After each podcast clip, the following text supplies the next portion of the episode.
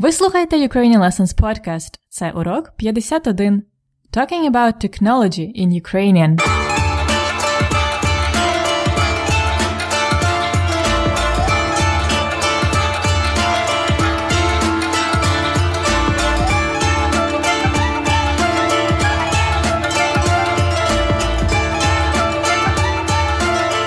Привіт! Це Анна, ваша вчителька української. Що у вас нового? Це вже епізод 51. А отже, ми починаємо нову тему на подкасті. Ми будемо говорити про техніку і технології. Саме техніка і технології допомагають нам створювати цей подкаст, а вам слухати його. Також зараз важко уявити світ без технологій: інтернет, комп'ютери, соціальні мережі важлива частина нашого життя. Тому я вирішила провести для вас кілька уроків на цю тему. А також сьогодні ми почнемо вчити новий відмінок, давальний відмінок. До роботи! So, in my brief intro, today I presented to you the new topic for our next lesson техніка і технології, electronic devices and technology. Thanks to these things, you can get your Ukrainian lessons every week from us, right? Internet, computers, and social media are very important in our life now. So, in this part of the podcast, we will talk about them in Ukrainian. And also, I will introduce to you the new case, the dative case, давальний відмінок. До роботи! Let's get to work! First, let's learn some vocabulary on the topic. We will be talking a lot about technica. Technica can mean technique or techniques, but in our context, we're going to talk about devices and equipment as техніка. Повторіть. Техніка. Яку техніку ви знаєте? Техніка, наприклад, це комп'ютер. Повторіть. Комп'ютер. Ноутбук. Телефон. Смартфон. Планшет. It's a tablet. Планшет. The similar word to техніка is технології. Технології is technology. Note that in Ukrainian we say it in plural when we talk in general. Технології. Які технології ви знаєте? Технології це, наприклад, інтернет, додатки на телефон. Додатки are applications, like phone applications. Додаток one application. Додаток на телефон. Let's also learn some verbs of our daily actions related to техніка і технології. For example, усі люблять сидіти в інтернеті. Сидіти is to sit. Sit in the internet, which means to browse the internet. Так, сидіти в інтернеті. Another action is встановити додаток на телефон.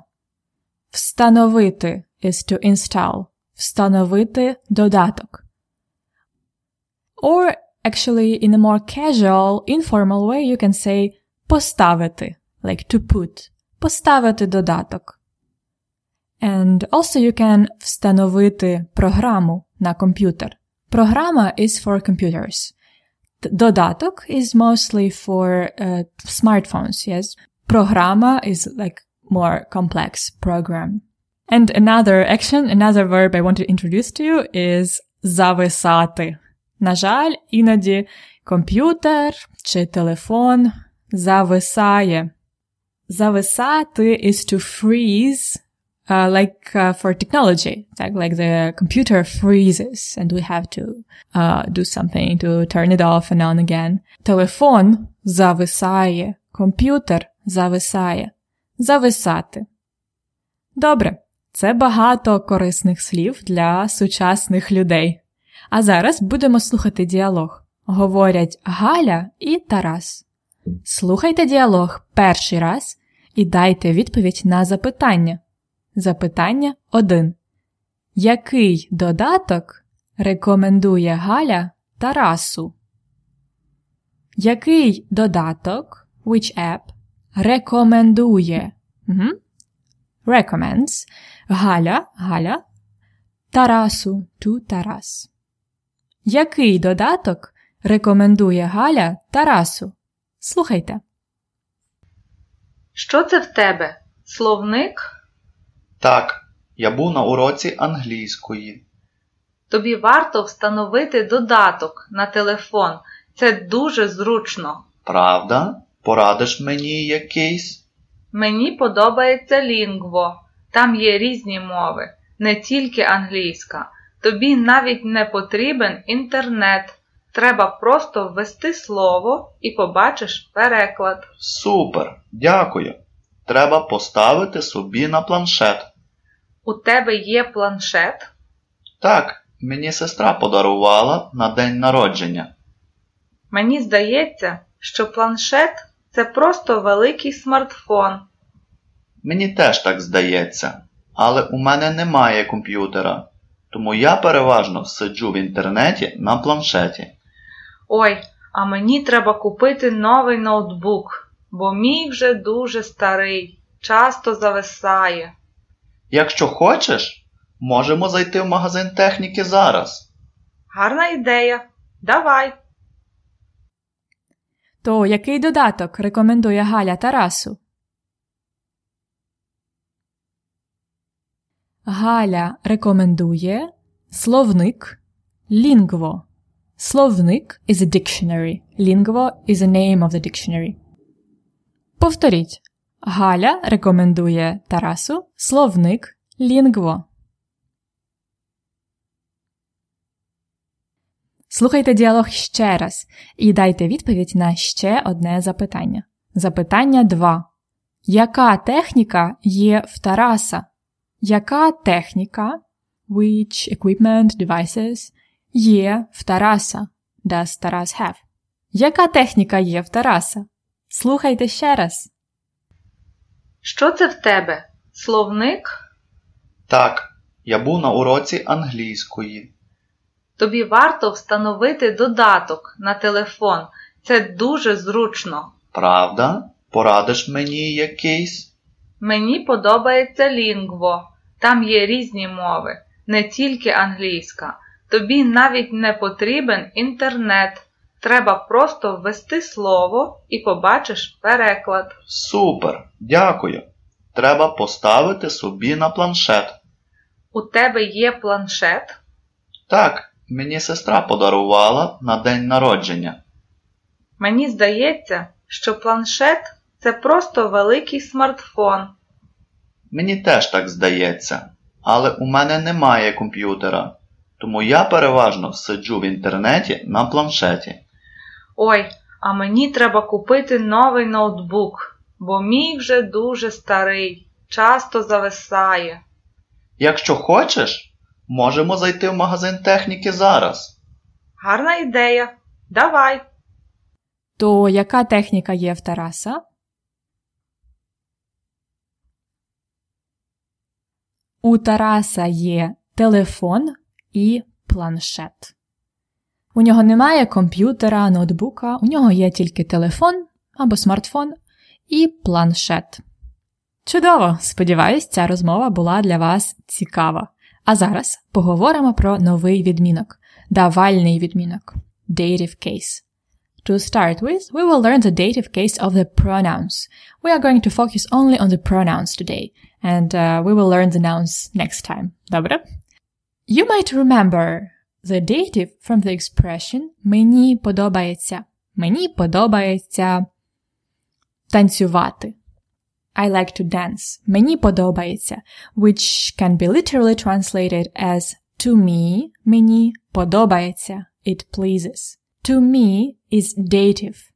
Мені. Мені. Я dative. Мені. Ти dative. Тобі. Він. Йому. Вона. Їй. Воно. Теж йому. Йому. Ми. Нам.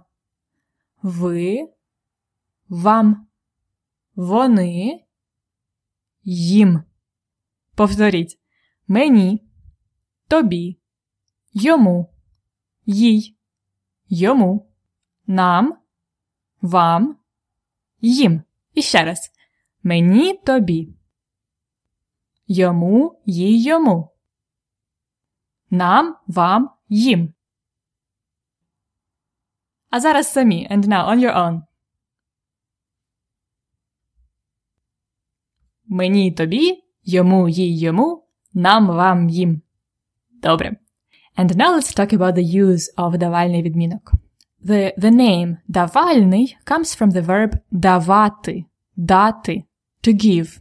So the classic example of давальний відмінок is with the verb to give something to someone. To give to Галя. Давати Галі. To give to me. Давати мені. To give to him. Дати йому. Добре? So, generally, the dative case is the indirect object of the sentence. There are several cases when the dative is used. Let's hear some examples from the dialogue. Це дуже зручно. Правда? Порадиш мені якийсь? У тебе є планшет? Так, мені сестра подарувала на день народження. So the primary use of the dative case is with the verbs that come with the indirect object, or in other words, the recipient of the action, like давати to someone, give to someone. Today we will learn three verbs like this. So the first one you already know, дати, давати, to give. For example, дай мені свій номер телефону. Дай мені свій номер телефону. Another verb is радити, порадити. It's to advise, to recommend. And uh, the complete synonym of this verb is рекомендувати. It also goes with the dative. So we can have Порадиш мені якийсь додаток? Can you recommend me any app? Або порекомендуєш мені якийсь додаток? Мені, dative.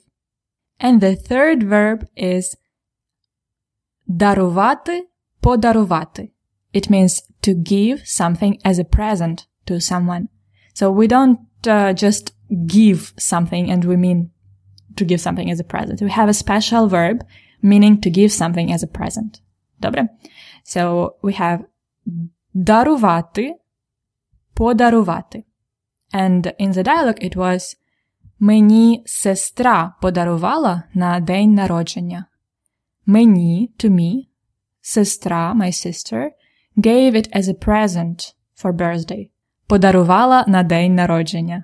Тарас was talking about his planchet, tablet. Добре? So we use мені with подарувала. Подарувала мені, подарувала тобі, подарувати йому. Добре? Now let's move to the second use of the dative. Listen. Тобі варто встановити додаток на телефон. Це дуже зручно.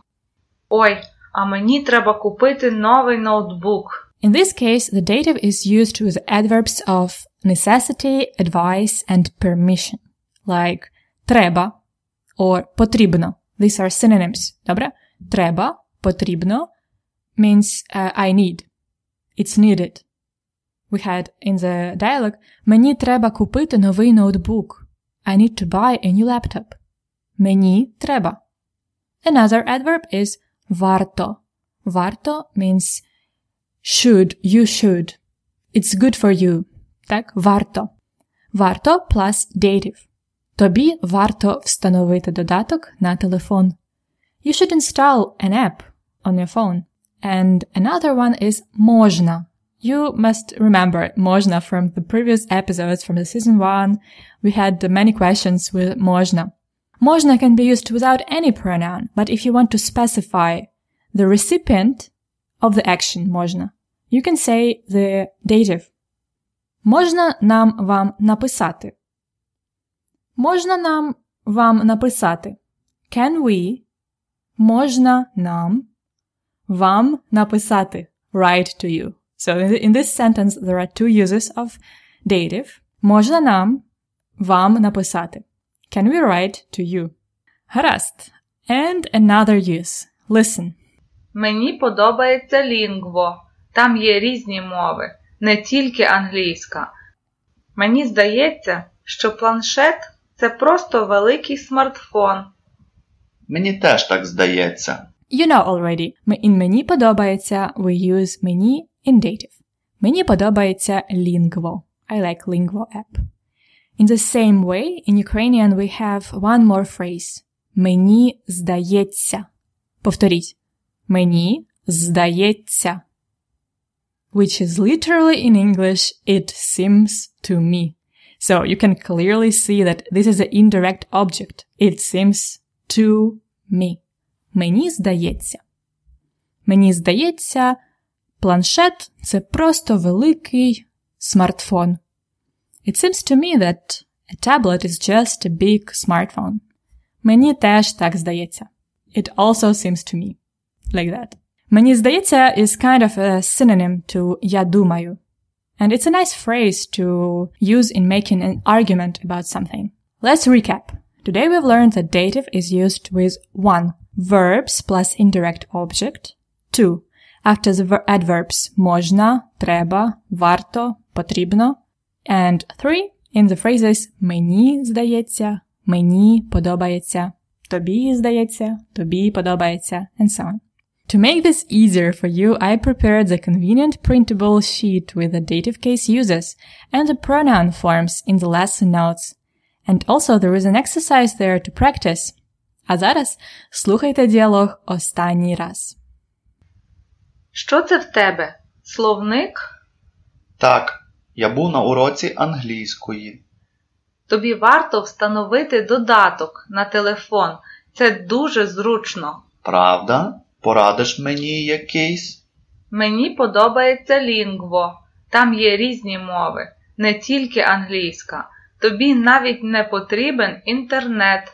Треба просто ввести слово і побачиш переклад. Супер, дякую. Треба поставити собі на планшет. У тебе є планшет?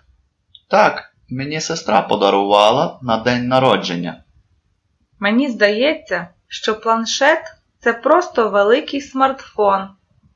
Мені теж так здається, але у мене немає комп'ютера, тому я переважно сиджу в інтернеті на планшеті. Ой, а мені треба купити новий ноутбук, бо мій вже дуже старий, часто зависає. Якщо хочеш, можемо зайти в магазин техніки зараз. Гарна ідея. Давай.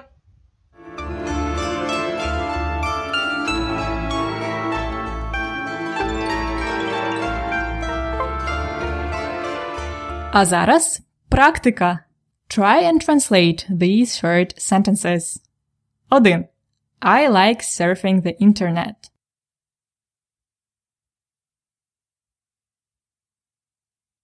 Мені подобається сидіти в інтернеті.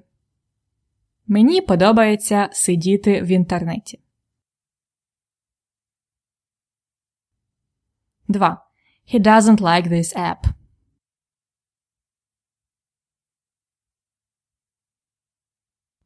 Йому не подобається цей додаток. Йому не подобається цей додаток. 3. You should install this program.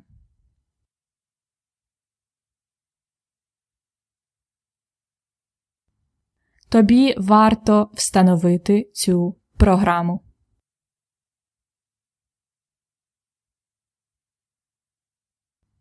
Чотири. They need to buy a new laptop.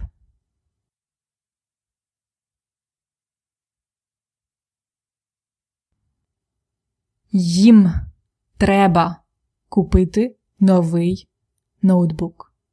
So there are some options here. You can say їм потрібно instead of їм треба. Купити can be also used as придбати. Придбати is a pur to purchase. Придбати новий ноутбук. Let's repeat the first one. Їм треба купити новий ноутбук.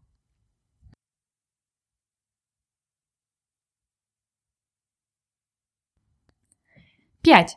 I gave her a smartphone as a present.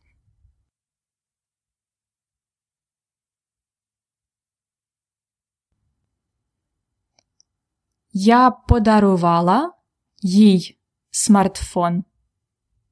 That's it. If you are male, you can say Я подарував їй смартфон.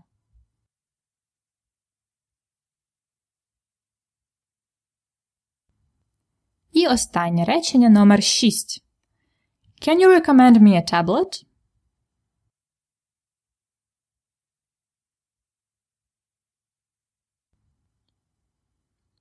Можеш порадити мені планшет? Or you can say можеш порекомендувати мені планшет. Remember about the question intonation. Можеш порадити мені планшет? Можеш порекомендувати мені планшет? Добре. If you had trouble with the exercise, remember to go back and try it again. Practice makes perfect. If you want to be perfect, of course.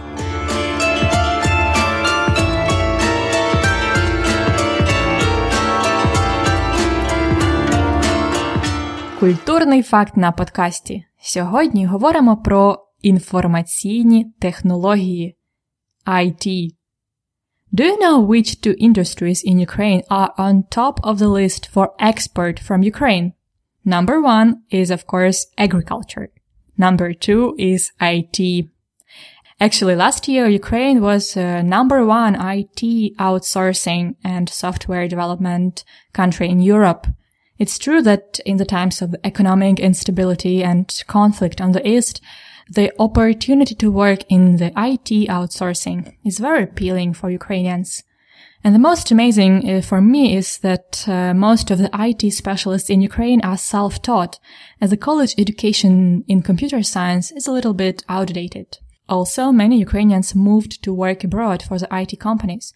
For example, even in my circles, three of my friends from the university work for Google and Facebook abroad. And of course, we have a number of our own Ukrainian IT companies that I hope will grow in future so that more Ukrainians worked in those ones.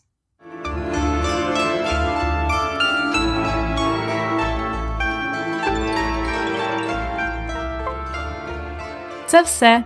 Мені здається, сьогодні ми чудово попрацювали. А вам так здається? If you would like to learn more Ukrainian, you can also go to our blog to explore the newest free articles and infographics and translations of songs and phrases. It's ukrainianlessons.com. Also, you could learn 1000 most common Ukrainian words with a flashcard and my pronunciation. This is at ukrainianlessons.com slash 1000 words. 1000 words. And as always, the premium podcast membership allows you to get the lesson notes and exercises for these lessons, as well as practice your Ukrainian freely in the Facebook group.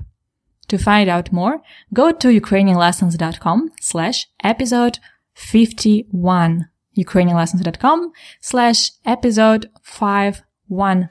До наступного уроку! До середи!